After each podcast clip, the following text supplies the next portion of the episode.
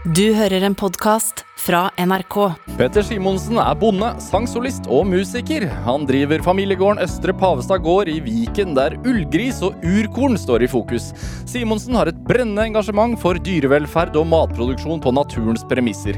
I tillegg er han aktiv musiker og har sunget i bl.a. Mannskoret Liscapoli og Operakoret. Dette er Drivkraft med Vegard Larsen i NRK P2. Petter Simonsen, velkommen til Drivkraft. Tusen takk. Hvordan har du det? Har det aldeles strålende. Sitter her med en liten kopp vann og koser meg. S som bonde, når sto du opp i dag? Tja, oppe ved 05.30-tida vel, for å rekke hit i studio. Så grisene så rart på meg når jeg fôra to timer tidligere enn vanlig. når, når får de vanligvis mat? Nei, det er jo sånn 7.30 til 8.30.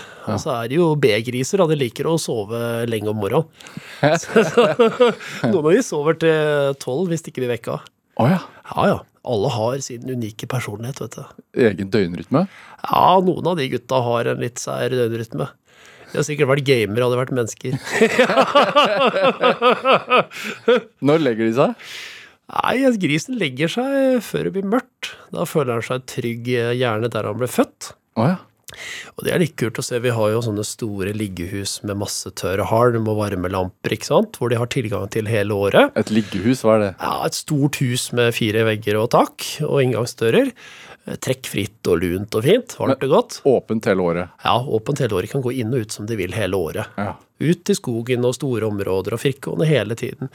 De legger seg før det blir mørkt, og da legger de seg gjerne i det hjørnet på det stedet hvor de ble født. Oi.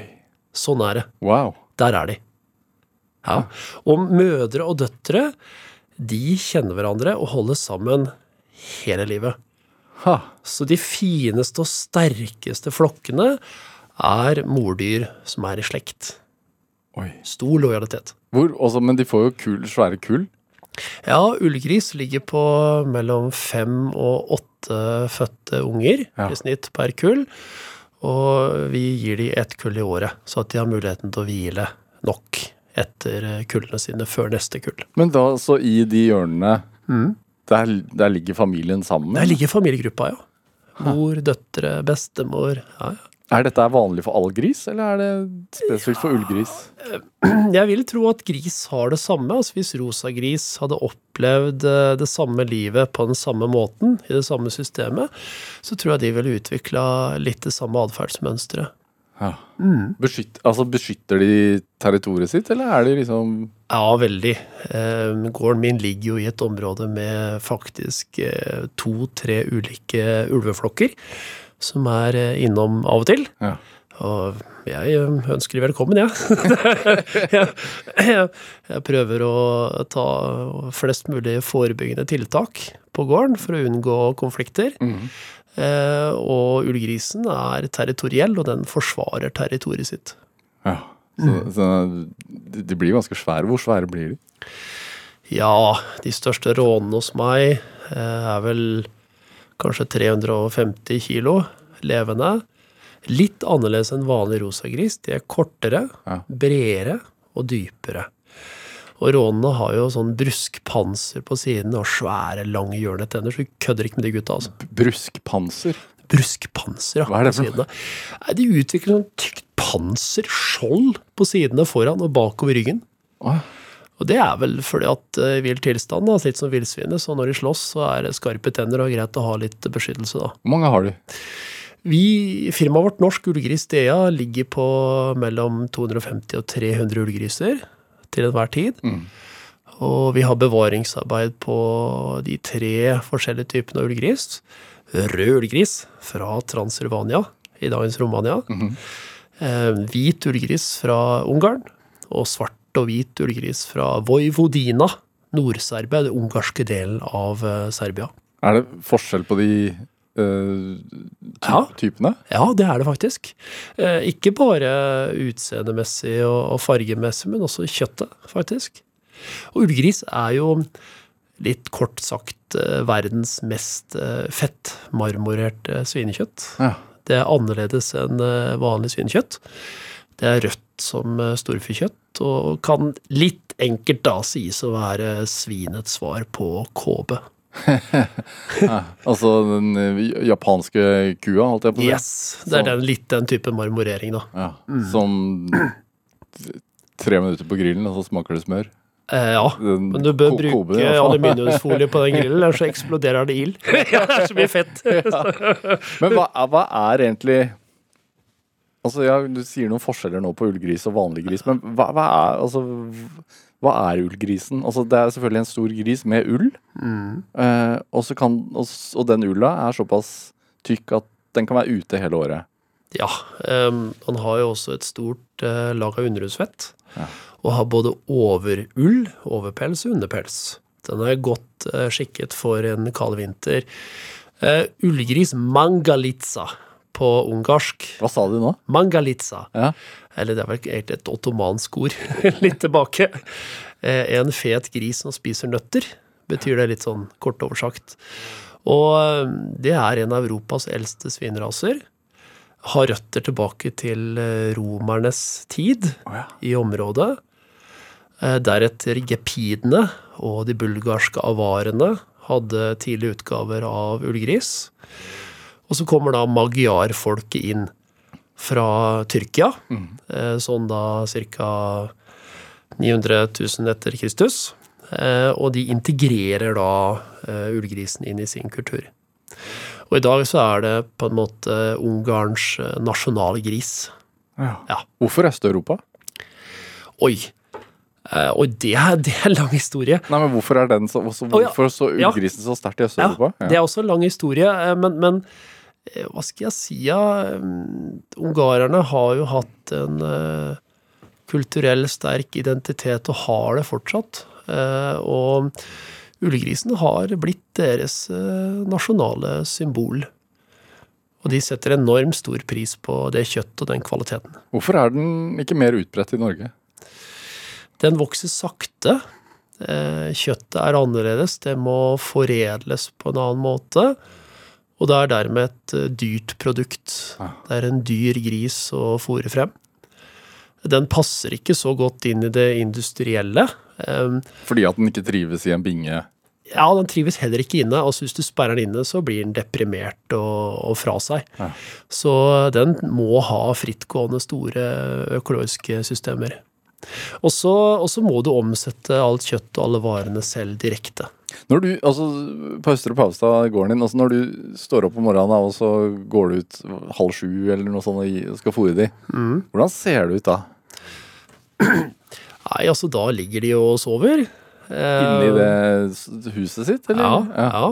ja. De første dyra som våkner Hvor mange er det der?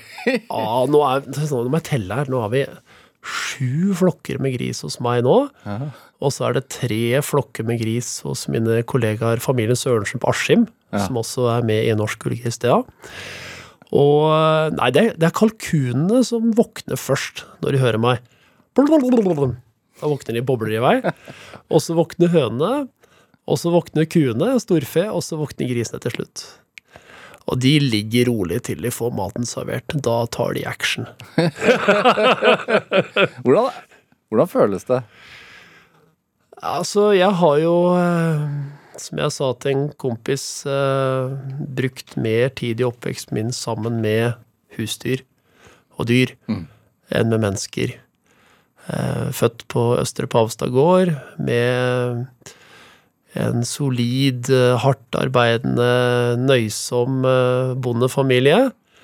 Med melkeku og korn og skog. Mm.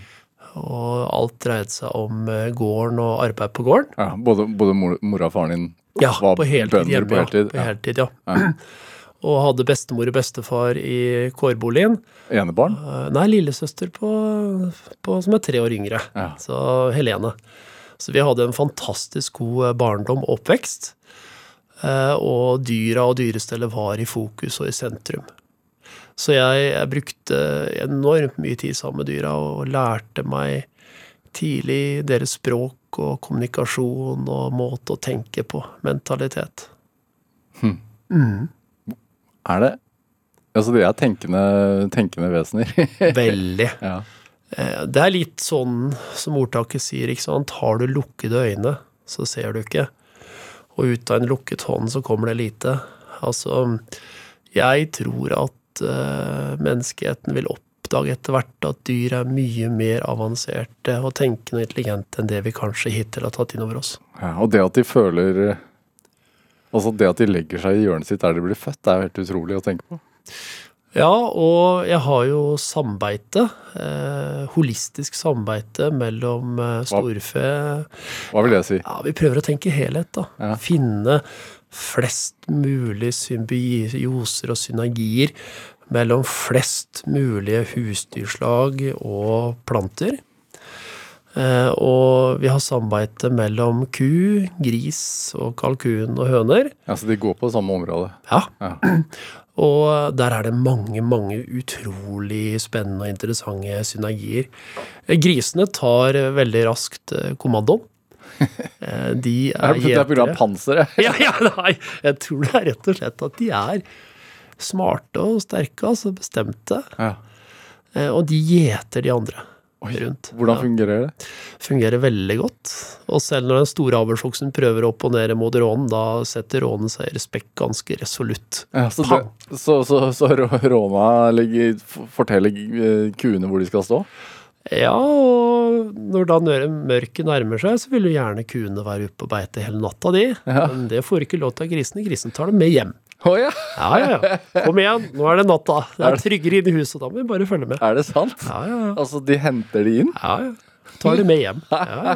Men er det, det har det blitt trent til dette her, eller er det Nei, det er naturlige instinkter. Oi. Ja. Og det interessante er at vi ser også at grisen er jo et beitedyr. Ja.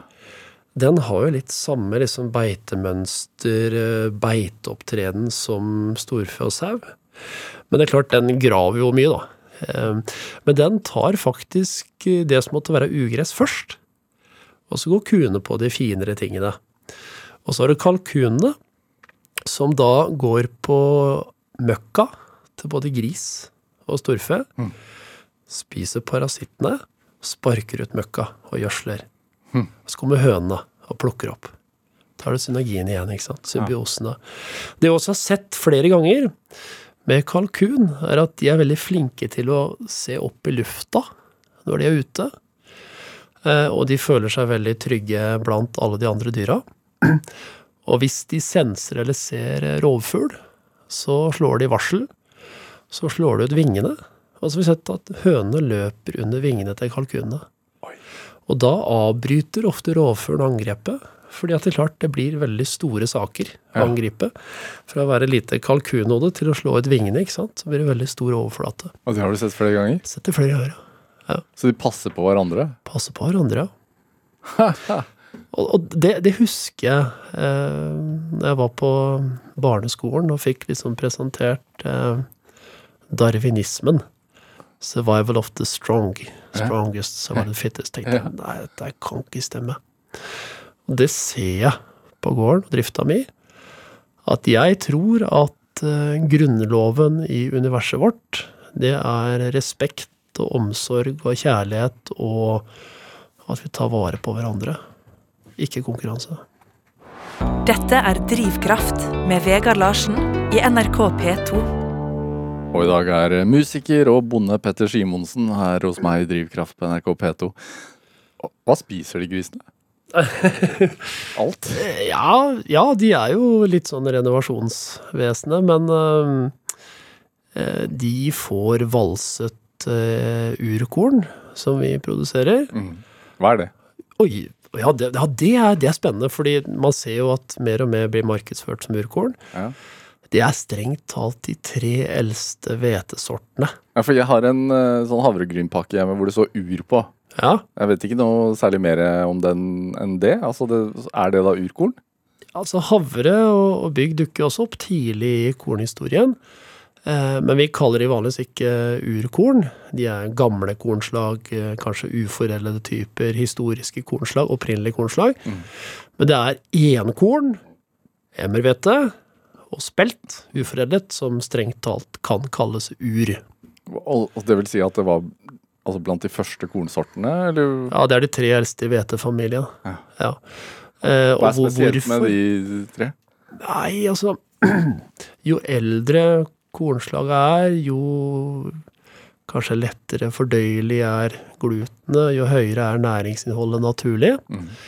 Eh, jo eldre de er, jo mer nøysomme er de. Eh, hardføre. Eh, men jo eldre, jo lavere avlingspotensialet. Hvorfor det? Det er vel eh, en naturlig utvikling fra gress til de første typene korn, ikke sant, som er frø som ble store nok, som kunne henge lenge nok på til at man kunne høste det og, og utnytte det. Så det er nok Og mennesket har jo hele veien fokusert på størst mulig avling. Altså man har manipulert det frem også for, å, for at Ja. det skal tåle mest mulig eh, Altså være resistent mot ugress og, og, Ja. og midd og sopp og sånne ting. Også at det skal gi store avlinger. Størst mulig avling. Ja, og, Yes. det, og der stiller urkorn litt dårligere. Ja. ehm, eh, kan si enkorn gir kanskje 120 kilo på mål i avling. Emmer 180, spelt maks 300 Mm. av de typene vi har. Mens moderne hvetesorter kan gi 900 kilo på målet, 1000 kilo på målet. Smaker du forskjell? Ja. Uh, urkorn har nok en mer utpreget uh, nøtteaktig smak. Særlig emmerhvete har en veldig god nøtteaktig aroma. Men hvorfor velge å dyrke dette? Det er jo, det er jo Det gir dårlig avling og Det er jo Jeg syns jo disse historiske kornslagene er utrolig fascinerende. Og så er det en eh, smaksopplevelse, som jeg sa. Ja. Og så er det, er det jo veldig avanserte. For eksempel, de er alliopatiske. Hva vil jeg si? De skiller mellom konkurrerende og ikke-konkurrerende vekster. Så hvis jeg sår en underkultur da, med urter og blomster med planter som ikke konkurrerer, som ikke tar, så lar det det være i fred. Hvis jeg sår en plantetype som konkurrerer direkte med korn om næringen, så begynner det å skille ut organiske enzymer i rotsystemet som knekker Ta rotta på det. ja, hemmer og knekker. Det er, det er allopati. De, er, de er avanserte og hardføre. Ja. Tørkesommeren 2018 så hadde vi tilfredsstillende kornavlinger til tross for den enorme tørken. Ja, fordi at den er, er, er vann Altså, den, den har, har overlevd lenge, for å si det sånn. Ja, setter uh, dypere røtter. Er mer hardfør. Ja. Takler forskjellige varianter av hver bedre. Men, men du så ikke dette her der dyra beiter. Dette er et annet Jo da! Ja, du gjør det. Det er, her skjønner du er det symbiosesynergi. På våren. Nå skal jeg ta årshjulet veldig, veldig raskt. Mm. Nå slipper vi grisene ut på alle jordene hvor det var korn i fjor. Og der har jeg sådd en regenerativ underkultur. Hva vil jeg si? Ja, det er en underkultur med urter og blomster som eh, bedrer jorda, som tilfører, som regenererer, som fornyer, fornyer, som stimulerer mikrolivet. Og hva er det for, for eksempel? Eh, Det kan være urter, blomster, eksempel kornblomst, eh, honningurt, hvitkløver, rødkløver, Ja.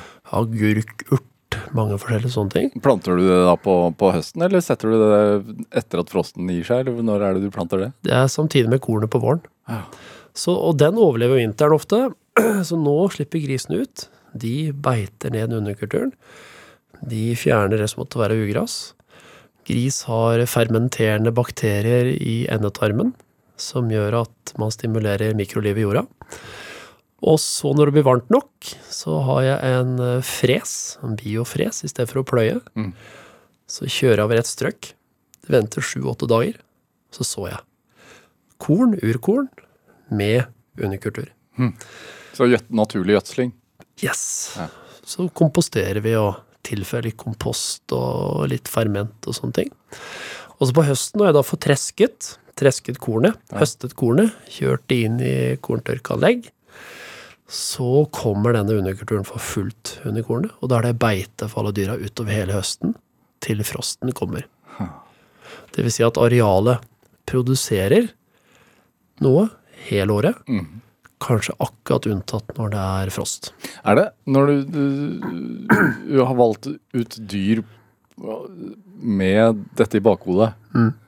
Er det, er det noe du mangler? Er det noe du liksom ser at ja, det hadde vi egentlig også trengt? Eh, Jeg har planer om å bygge et uh, nytt fjøs uh, neste år.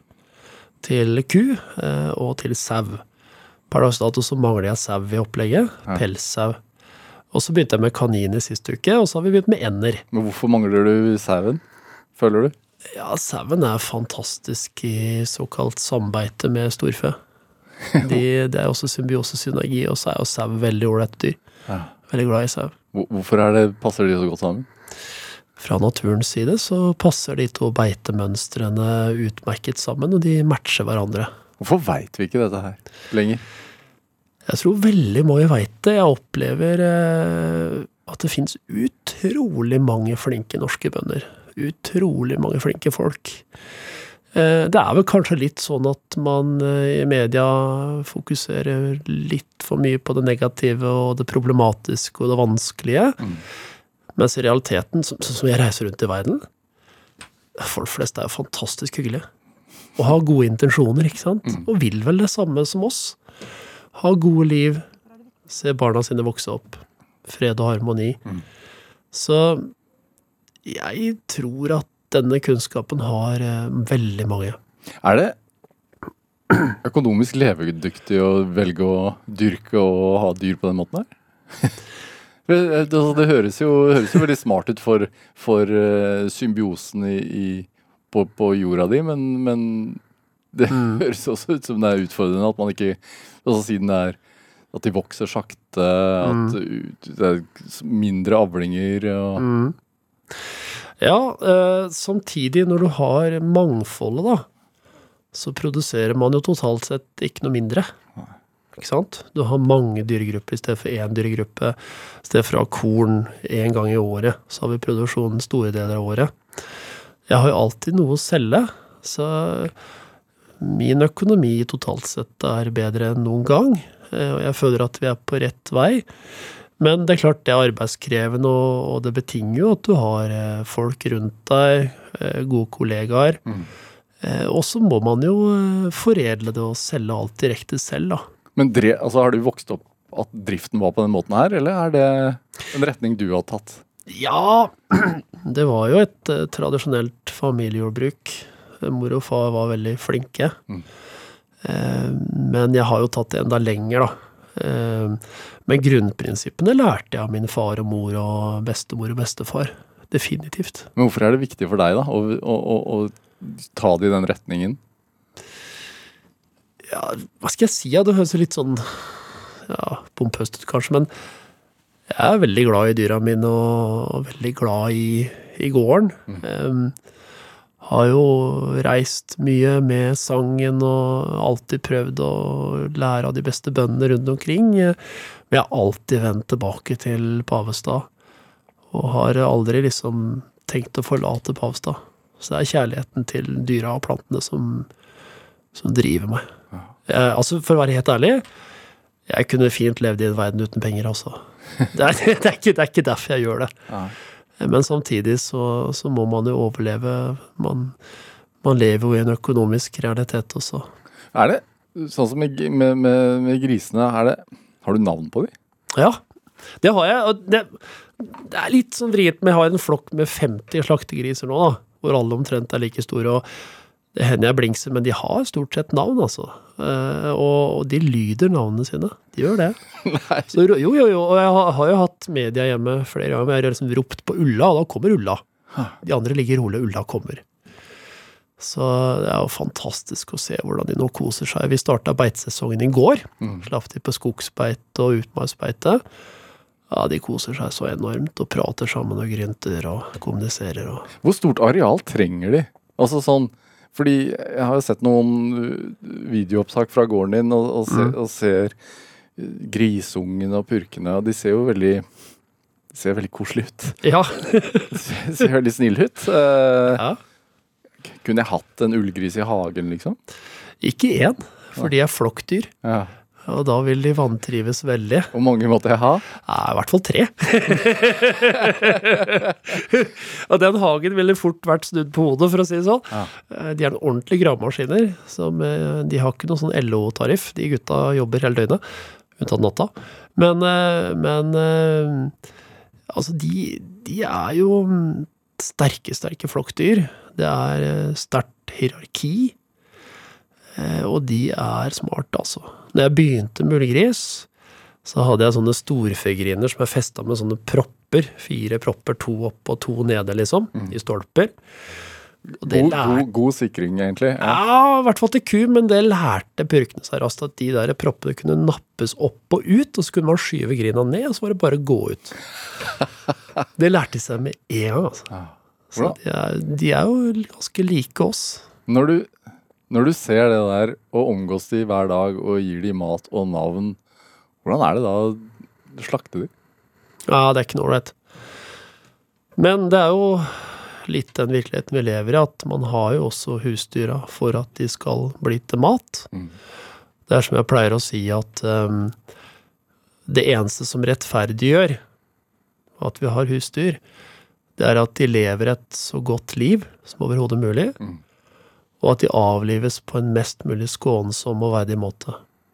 Da er det greit Ja. å ha husdyr. Er det Når du spiser den ribba sjøl, gjør du det? Ja, Ja. ja, ja. Spiser mye julegris. Ja. Ja. Hva, hva tenker du da? Ja, altså Det er litt sånn rart, da. Man husker jo navnet på den grisen, liksom. Så man sitter jo ikke og sier eh, 'hvordan står det til, Bjarne', på en måte. Eh, men man setter jo pris på den gaven da, som det dyret har gitt, og takknemlighet. Mm. Og sier takk. Er det noen du lar, lar leve? Ja! ja, ja, ja, ja. Jeg har my weak spots. jeg har eh, tre-fire sånne kastrat, kastrerte gutter som jeg ikke klarer å sende. Det er som kosegutta mine. Alexander og Snøft og Jeg klarer ikke å sende de gutta, altså. De har liksom utpreget seg med spesielle personligheter siden de ble født. Hvordan da? Nei, altså Alexander for eksempel er jo ekstremt PR-kåt. Kan ikke skjønne hvor han har lært det. og, og jeg har noen bilder hvor jeg sier 'se kamera', så ser han i kamera. Og kommer det fotografjournalist, så er han først fremme. Først fremme. Snøft han er en ordentlig kosegris. Og må ha sin daglige dose med kos, ellers så blir han sur. Da er han skikkelig grinte, og da begynner han å rive ned gjerdene. Det er omtrent som en hund som ikke har fått nok tur. Men kos, altså hvordan, hvordan koser du den? Ja, altså, når de er små, så sitter jeg jo i bingene, ikke sant, og koser med de nyfødte, og Med alle? ja, tilvenner de. Og da kommer de og legger seg i fanget mitt. Store hauger. Hvorfor er det viktig med den tilvenningen? Pregingen av eh, husdyra foregår de første 14 dagene. Det du ikke får gjort da, det greier du ikke å ta igjen senere. Hva vil det si? Altså preginga? Sitte der, være der, kose med dem, bli kjent med dem, signalisere at du er en del av flokken. Hvis du ikke får til det personlige båndet de første 14 dagene, så er det veldig vanskelig å innhente det senere. Da legger du grunnlaget. Ja, så da kan de bli vanskeligere, rett og slett? Altså, Ja, ikke vanskeligere, men litt mindre sosial og litt lengre avstand, kanskje. Ikke så kosete. Ja. Så, men det er klart at når disse da har blitt eh, 150-200 kilo, og ti stykker skal legge seg i fanget ditt, så, så, så, så, kjenner man det. Klask. Og Snøft har vel nå 230 kilo og kommer løpende og klasker opp i fanget mitt. Så, så, men, men eh, alt har sin pris. s- altså, du er jo, eh, Petter Simonsen, du er jo uh, musiker også, og sanger. Eh, synger du for dyra? Ja, faktisk. Uh, når jeg skal lede de til nye steder og hente de og sånn, Ja. da synger jeg. Da følger de. Så det er som en slags sånn altså, budeie som, som, som lokker på de på en måte? Eller sånn? Ja. ja. Og det funker, det, altså. Vi hadde Aftenposten var hjemme for en del år siden og hadde en sånn eh, et juleoppslag på hvilken julesang liker kuene best. Og da, da sang jeg inn i Var det kjole og hvitt og var inne i fjøset og sang O helga natt og masse forskjellig, da. Og så så reaksjonen til dyra. Og eh, den sangen som eh, vant, var 'Det lyser i stille grener'. Ja, Dokumentert av Aftenposten. Hvordan reagerte de da? La seg ned og slappe av og sov. Og helga natt, på den siste topptonen på slutten, så var det i andre enden av fjøset. Det bare sa pang. Det var ikke noe ålreit. Det var litt truende. Ja. Eh, Simonsen, da, jeg syns det passer jeg må, må høre, høre deg synge. rett og slett. Vi skal spille en låt som heter I Am True To Myself. Hva, hva er dette her? Um, ja, det er vel kanskje litt uh, livsfilosofien jeg har hatt, å prøve å være sann uh, mot meg selv. Det er en sang jeg har skrevet sammen med en god venn som heter Pete Abbott. uh, som til daglig er studiomusiker i Nashville, Tennessee i USA. Du har, har på deg sånn cowboyskjorte i dag. Ja. Er sånn Jeg er litt cowboy. Jeg har jobba som cowboy i Platville utenfor Denver i Colorado, så det, dette er ekte vare, ikke noe tull. Hæ? Så nei, så Og den er innspilt her i Stable Studios i Oslo. Leif Johansen som produsent. Og jeg har skrevet eh, teksten sjøl og musikken sammen med Pete. Og det er Ja, det er litt sånn jeg har det når jeg er hjemme på gården. ja, Den takknemligheten. ja. Jeg er så utrolig takknemlig for det livet jeg har, og det livet jeg lever, og alle de gavene som jeg mottar. Ja. Gratitude. Skal vi høre? Gjør det! Kjør på!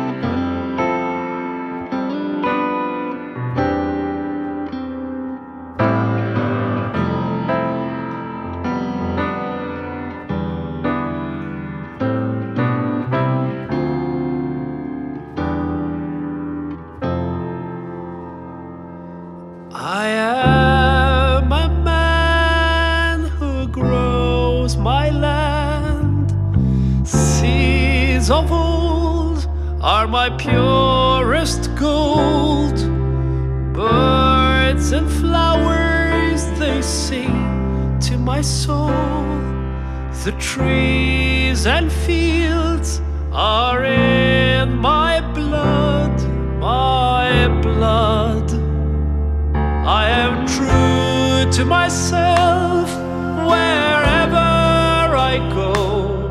I am true to myself on my road. I am true to myself, feeling sometimes alone. I am true to myself, here I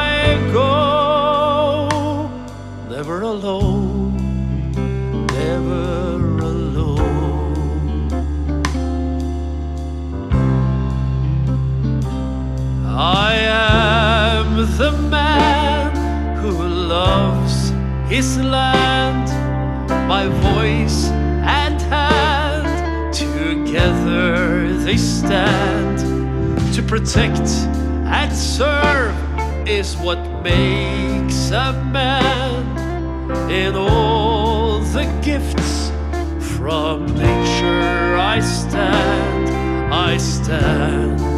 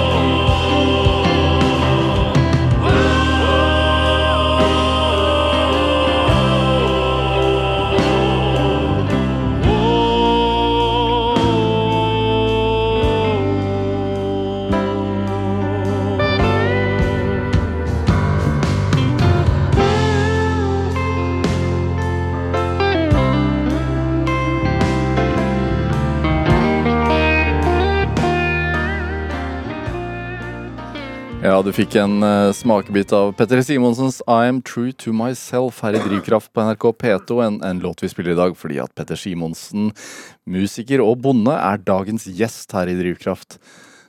Altså, du har vokst opp på gård. Mm. Og du har vokst opp også med en medfødt lungelidelse. Mm. Uh, du harker litt her og hoster. Ja. Hva, er, hva, slags, hva, hva er dette for en lidelse? Ehm, det er medfødt. Både jeg og min søster har det, og da må begge foreldrene være bærere. Dette Silies syndrom. Det, altså, flimmerhull ned til lungene fungerer ikke helt normalt. Du, det kan gå på tett nese, hørsel um, Min søster er litt hardere ramma enn meg, men har også klart seg veldig bra. Ja. Jeg har hatt litt sånn, eh, Som liten så hadde jeg litt rennende nese og tett nese. Og det er borte når jeg synger, da. Ja. Det er bare sånn boff, så er det helt borte.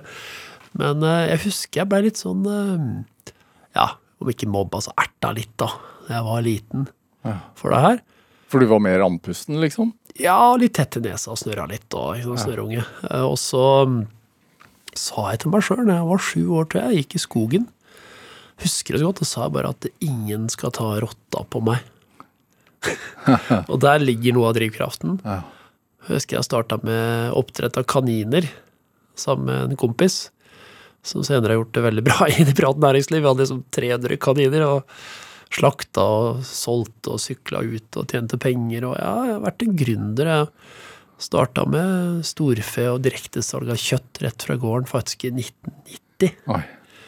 Jeg drev med lokalsalg mat i hjelp 32 år. Ja. Så det, jeg, jeg er en gründer, da. Hva er utfordringen med å drive lokalsalg? Altså Nå er du med i Reko-ring og Ja, ja. selger på en del altså, spesialbutikker. Ja. Hva? Så leverer vi urkorn til Åpent bakeri Ja. i Oslo. Ja. Per dags dato både spelt emmehvete og Dala landhvete.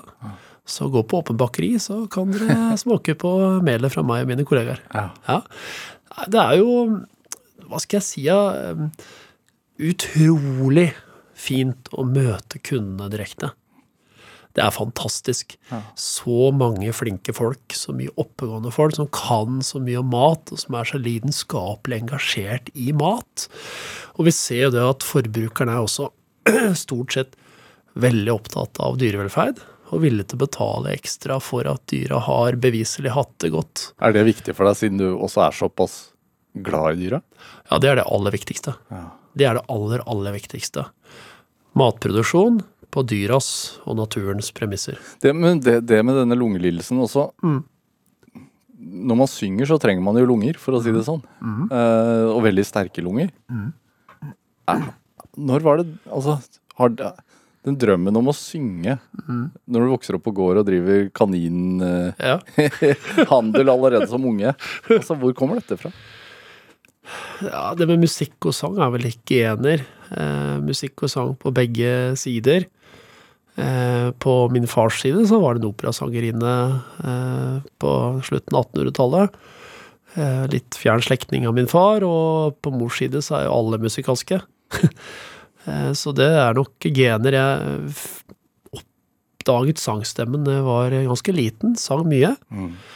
Og så var det litt stille i tenårene, og så kom det igjen da jeg begynte å spille i danseband og sånn, med bass og sang og spilte trommer og i piano. Spilte trompet i korps i mange år. Ja. Så jeg spiller en del forskjellige instrumenter, da. Hva er høydepunktet i karrieren? I den karrieren? Eh, sangen Mm. Å, å drive og definere seg selv, det er jo livsfarlig. Ja. Blir jo pompøst med en gang, egoistisk med en gang. Selvopptatt fyr, han derre grisebonden. Ja, Nei, eh, der kom rovdyret, ja. Nei, altså ja, Det er noen høydere, da. Eh, Mannskåret lidenskapelig. Ja, utrolig. Sang duett med Sissy Kyrkjebø liksom på grillfest og Sprint Charles på Windsor Castle i Hvordan er det? 95. Ja, Det var dit jeg ville. ja, da, var jeg, da var jeg nervøs, altså. Det husker jeg ikke mye av. Da, og der satt liksom eh, Der satt de storhetene George Martin, Beatles-produsenten, på eh, første bord, og ikke sant? Og det, sang den eh, Wade in the Water, gospel-låt. Det faen, Sissel er jo så hyggelig. Sjarmerende og hyggelig og blid, og det er stor ære. Og så sang jeg i eh, bisettelsen til min store barndomshelt Thor Heyerdahl, oppdageren. I Oslo rådhus og på Kon-Tiki-museet i sang der? 2002. En russisk eh, folketone eh, som gave fra Kon-Tiki-museet til han og hans familie. Hvorfor er det, det altså, fascinasjonen for Øst-Europa? Mm. Eh, georgiansk sang, eksempel. Hvor, hvor kommer dette her fra? Det bare ramla inn. Det bare kommer ram- til det- meg, liksom. Det, bare ramler Det inn. ramler ikke bare inn, det. Nei, det gjør det ikke. Jeg har liksom møtt folk, og så bare kommer det til meg, på en måte. Ja. Jeg er jo en litt usosial type, da, så, så, så Men jeg har blitt kjent med utrolig mange flotte mennesker Mhm. opp gjennom årene. Men hva er det som er så fascinerende med, med den kulturen? Mange ting. Eh, gamle kulturer, stolte kulturer. Eh, de landene som står meg nærmest, er jo Georgia og Ungarn. Eh, og eh, Hvorfor det? jeg, jeg føler meg hjemme der. Jeg er veldig glad i menneskene, kulturen eh, Hva skal jeg si Måten å gjøre ting på. og så en veldig, veldig sterk historie. Hva de har gått gjennom av undertrykkelse. De har tatt vare på sin identitet, sin kultur, sin stolthet. Eh, Jeg er faktisk medlem av Ungarsk-norske handelskammeret, så jeg har litt business også. Og så er det jo folkesangen da i Georgia som står mitt hjerte utrolig nær, og der er jo også medlem av en klan oppe i nordvest-Kaukasus, i et utilgjengelig område som heter Svaneti. Altså i en klan, i en familieklan? Ja. Hvordan i all verden har du blitt tatt, tatt opp og inn der? Ja, det er en morsom historie. Selvsagt sann historie. Forteller bare sann historie. Eh, Jeg var i Georgia første gang i 1997. Mm. Eh, Og da var Svaneti litt sånn selvstyrt av klanen, og det var vel først i 2002 at Tiblisi, Tbilisi, hovedstaden, fikk litt kontroll på det området. Så i 2005 så var vi der oppe første gangen. Og da hadde jeg lært meg en av deres eldste tradisjonelle folkesanger på deres eget språk. Før du kom dit? Ja. Og så var det bord med mat og vin, og det var vel 100 stykker til bords der oppe, rett på utsiden av Mestia. Og høvdingen satt jo på enden, hadde full kontroll, og vi satt sånn midt på, og var ærede gjester. Og med kanskje 2,15 i promille, da, der oppe. Så, så ikke for noe dårlig inntrykk, men det må være ærlig. Eh, Så etter et par liter vin, så reiste jeg meg og bare rappa til og sang Lile. På deres språk, som betyr 'til solen', som er fra før kristen tid. Å, lille, å Bare rappa til. Det var helt stille. Og så kommer da høvdingen ned etter at det er ferdig. Så drar han kniven sin. tenker jeg nå Nå har du fornærma deg. Nå er jeg ordentlig tritt på draget her. Nå er, nå er jeg ordentlig ferdig. Klanterritoriet begravd det borte, vet du. Kasta opp på russisk side. Og så bare lite kutt i en blodåre på ene håndleddet, liksom. Så skjønner jeg, ok. Så jeg tok kniven og kappa litt, så blanda vi blod. Oi. Så våkna mora med ordentlig hangover. Altså, 1800 meter over, ikke sant. Og så tenkte jeg, hva har jeg gjort nå? Så vi er da blodsbrødre. Ja. Eh, Og det er ramme alvor, altså. Det er, det er ikke mange som blir, og det er helt fantastisk. Har du vært der etterpå? Ja, i Svaneti har det vært eh, åtte-ti ganger. Eh, Georgia har vel vært 70-80, kanskje. Den derre utfartstrangen, Mm. er det Har du alltid hatt det? Ja, jeg har det. Eh, jeg har opplevd så utrolig mye. Av alle ting så satt jeg i Khan el Khalili, i de gamle basarene i Kairo, når det smalt, arabiske våren. Mm. Eh, Jeg har vært i Peru, jobba som cowboy i USA, veldig glad i Sør-Afrika. Så jeg har planer om å reise til Dharamsala i Nord-India for å møte eksiltibetanerne. Altså, ja, det, det ligger i meg. Men er det av Thor Heyerdahl, eller hva er, hva er grunnen til dette her? Det er min natur, tror jeg. jeg Tror jeg er født sånn. Og, og har veldig interesse for um, filosofi, historie, ulike måter å tenke på, se ting på. Ja. Nysgjerrighet. Og så har jeg interesse av å lære meg litt språk. Opplever språk er en eh, nøkkel. Jeg har jo en historie fra arabiske våren hvor jeg skulle hjem til hotellet, da. Så møtte jeg en del eh, sånne ytterliggående gutter, eh, salafi, med heldekkende hvite drakter, helskjegg. Og jeg gikk jo da til alt overmål i den cowboyskjorta du ser nå, og cowboyboots og jeans på gata i Kairo, ikke sant. Og de slang jo da litt med leppa til meg, da, amerikansk jævel og sånne ting, og så sa jeg på arabisk at uh, bare minn dere på at uh, i deres hellige bok så står det at den som dømmer andre, dømmer seg selv. Ble det helt stille på arabisk.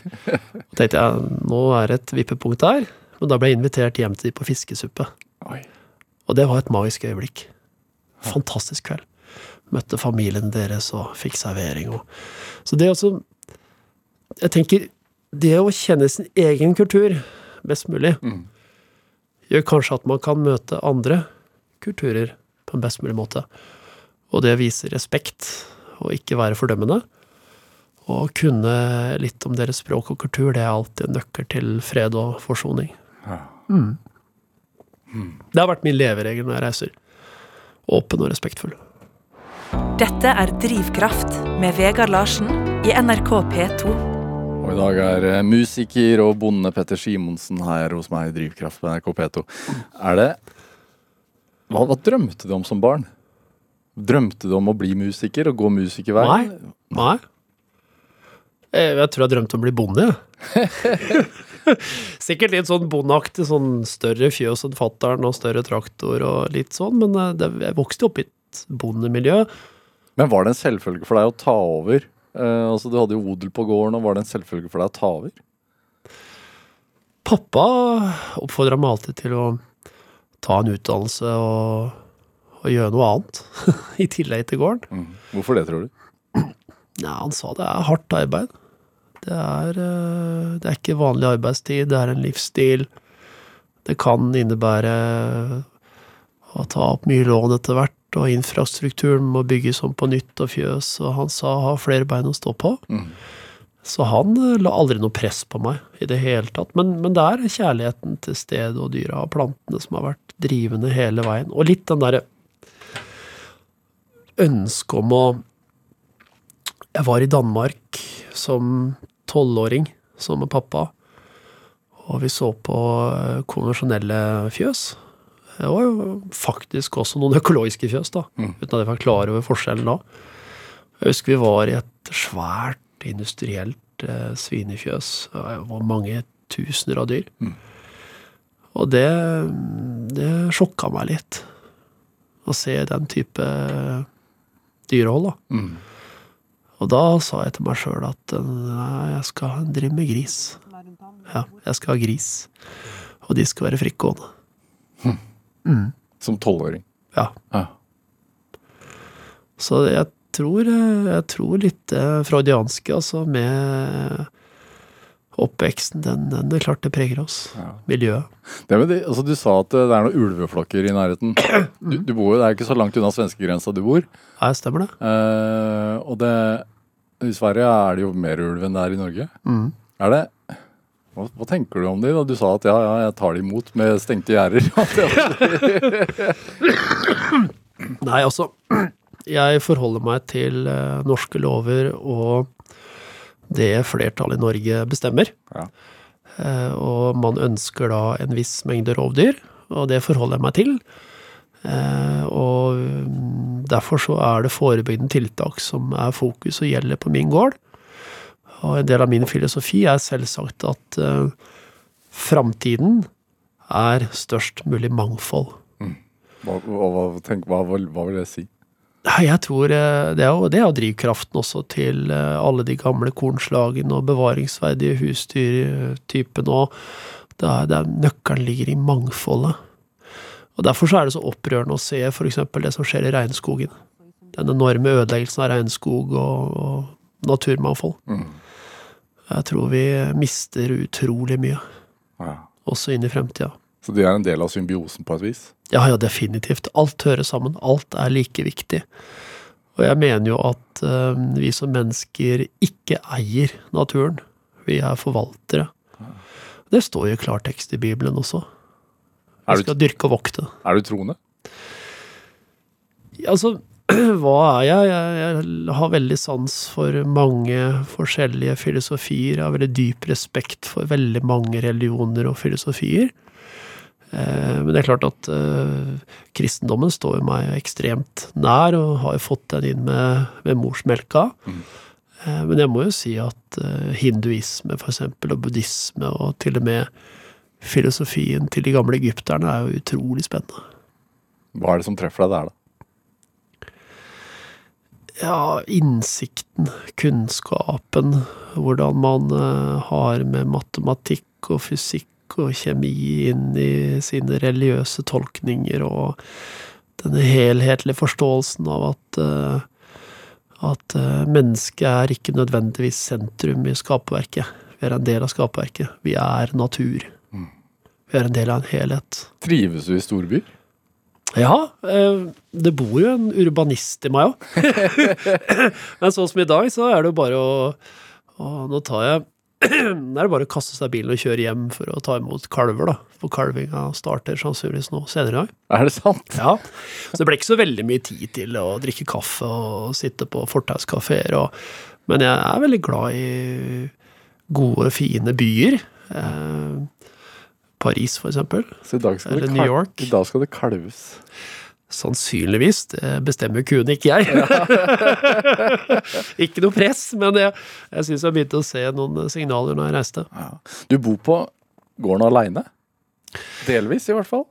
Ja, det er et eh, godt eh, spørsmål. Um, Jeg har eh, to veldig gode kollegaer eh, som, som eh, er ansatt eh, på gården. Eh, Sven, eh, som til daglig bor i Georgia, som jobber litt for meg på gården. Gode sangbroder, Sven Våge. Og så har jeg min gode kollega Ruth, som eh, nå dessverre er litt eh, sykmeldt pga. long covid, men som til daglig er i full jobb på gården.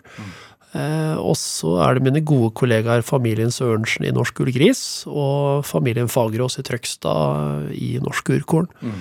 Dette er kjernen i virksomheten.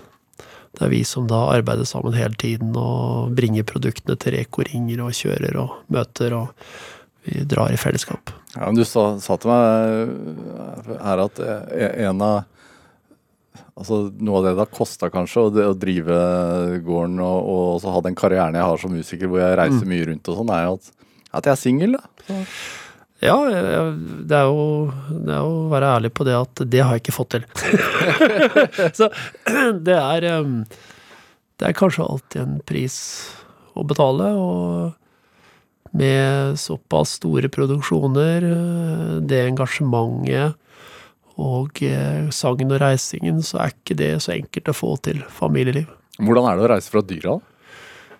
Så lenge jeg vet at eh, alle tiltak er gjort i forkant i at de har det fantastisk bra, at mine kollegaer er der, for det er alltid mennesker på Østre Pavstadgård, det er alltid noen der, så kan jeg reise med god samvittighet, men jeg er jo ikke lenge bort fra gården, da. Men du har jo dette med 48 timer karens, da, når du har vært i utlandet. Kommer tilbake, så må du vente 48 timer før du kan gå til dyra. Oh, ja, På grunn av at du ikke skal dra med deg noe Ja, og da er det desinfisering av klær og full, full vask x antall ganger. Ja. Så, men eh, jeg har veldig gode kollegaer, og alle stepper inn for hverandre, og vi er jo et, et veldig godt team. Du gir jo ut musikk. altså Vi spilte jo en av låtene dine. Du har akkurat også kommet med et nytt album. Når er det du skriver musikk, da? Mens jeg jobber på styret. Det er, eh, det er Ja, absolutt. Altså, da kommer det. Og driver med en ny singel i studio nå. Har jo fantastiske musikere. Georg Joje Vadenius på gitar, og uh, det er de beste av de beste som er med. Ja. Veldig privilegert. og mm, det er jo planer om litt releaser både her og der. Men det kommer liksom til deg mens du står i fjøset, f.eks.? Ja, da kommer det. Kommer jeg. Så er det inn på piano, så skriver jeg låta. Ja. Hvorfor er det inspirerende i den retningen? Det er vel det som er hjerteblodet mitt og sjelen min, da. Ja. Sant? Hadde tatt det fra meg i gården, da hadde jeg dødd. Det er jeg rimelig sikker på. Det er ankeret. Ja. Så, men eh, jeg har en bonussønn, da. Fra et eh, tidligere forhold. Ja. Milo. Så han eh, har et veldig godt forhold til. Han er en super type. Han bor på Kongsvinger nå. Ha. Så, så det er Jeg er kjempevelsigna. Jeg mener, jeg, jeg har litt sånn Sett i perspektiv, jeg har to gode venner som nå er til behandling for ulike typer kreft, liksom, så det er Ja, det gir perspektiv, altså. Frisk og rask, det er ingen selvfølge. Og tillate seg selv å være takknemlig. Og så vise det. Og uttrykke takknemlighet. Derfor navnet på plata, altså Gratitude. Petter Simonsen, hva, hva, hva tenker du er din drivkraft, da? Ja, det høres kanskje litt um, pompøst ut igjen. Det er lov. Uh, Ja, ok. Nei, det er ønsket om å gjøre verden til et bedre sted. Rett og slett. Hva, hva kan jeg gjøre for samfunnet? Hva kan jeg gjøre? Sant? Ta tak, altså. Skikkelig personlig ansvar. Dette er mitt ansvar, ingen andres. Jeg har ansvar for mitt liv. Og walk the talk, som Lakota og indianerne har som sitt manifest, ikke sant? Skal du ha integritet, så må du gjøre det du sier. Omsette det i praksis. Få det ut i verden. Petter Simonsen, tusen takk for at du kom til Drivkraft. Bare hyggelig. Stor ære. Hør eh, flere samtaler i Drivkraft på nrk.no eller i appen eh, NRK Radio. Send oss gjerne ris og ros og tips til mennesker som du mener har drivkraft. Send den e-posten til drivkraft, krøllalfa. Vi hører veldig gjerne fra deg, og alle tips mottas med stor takk, og vi noterer flittig ned alle navn. Produsent i dag var Heidi Andersen, og Mats Mørk bidro med research til eh, denne sendingen. Vi er tilbake i morgen. Dette var Drivkraft. Jeg heter Vega Larsen. Vi høres. En podkast fra NRK. Eh, Det ligger en eh, livløs jente på gulvet her. Hør nye episoder med mørke fortellinger. Du redda meg, så tusen takk. Det er jeg som er han helten. Hva sa du nå? Hva skjer når ytre press tvinger frem våre indre demoner? Du trenger ikke å være redd for meg. Jeg er ikke redd for deg! Du er en taper, og alle andre syns det hei! Mørke fortellinger hører du først i appen NRK Radio.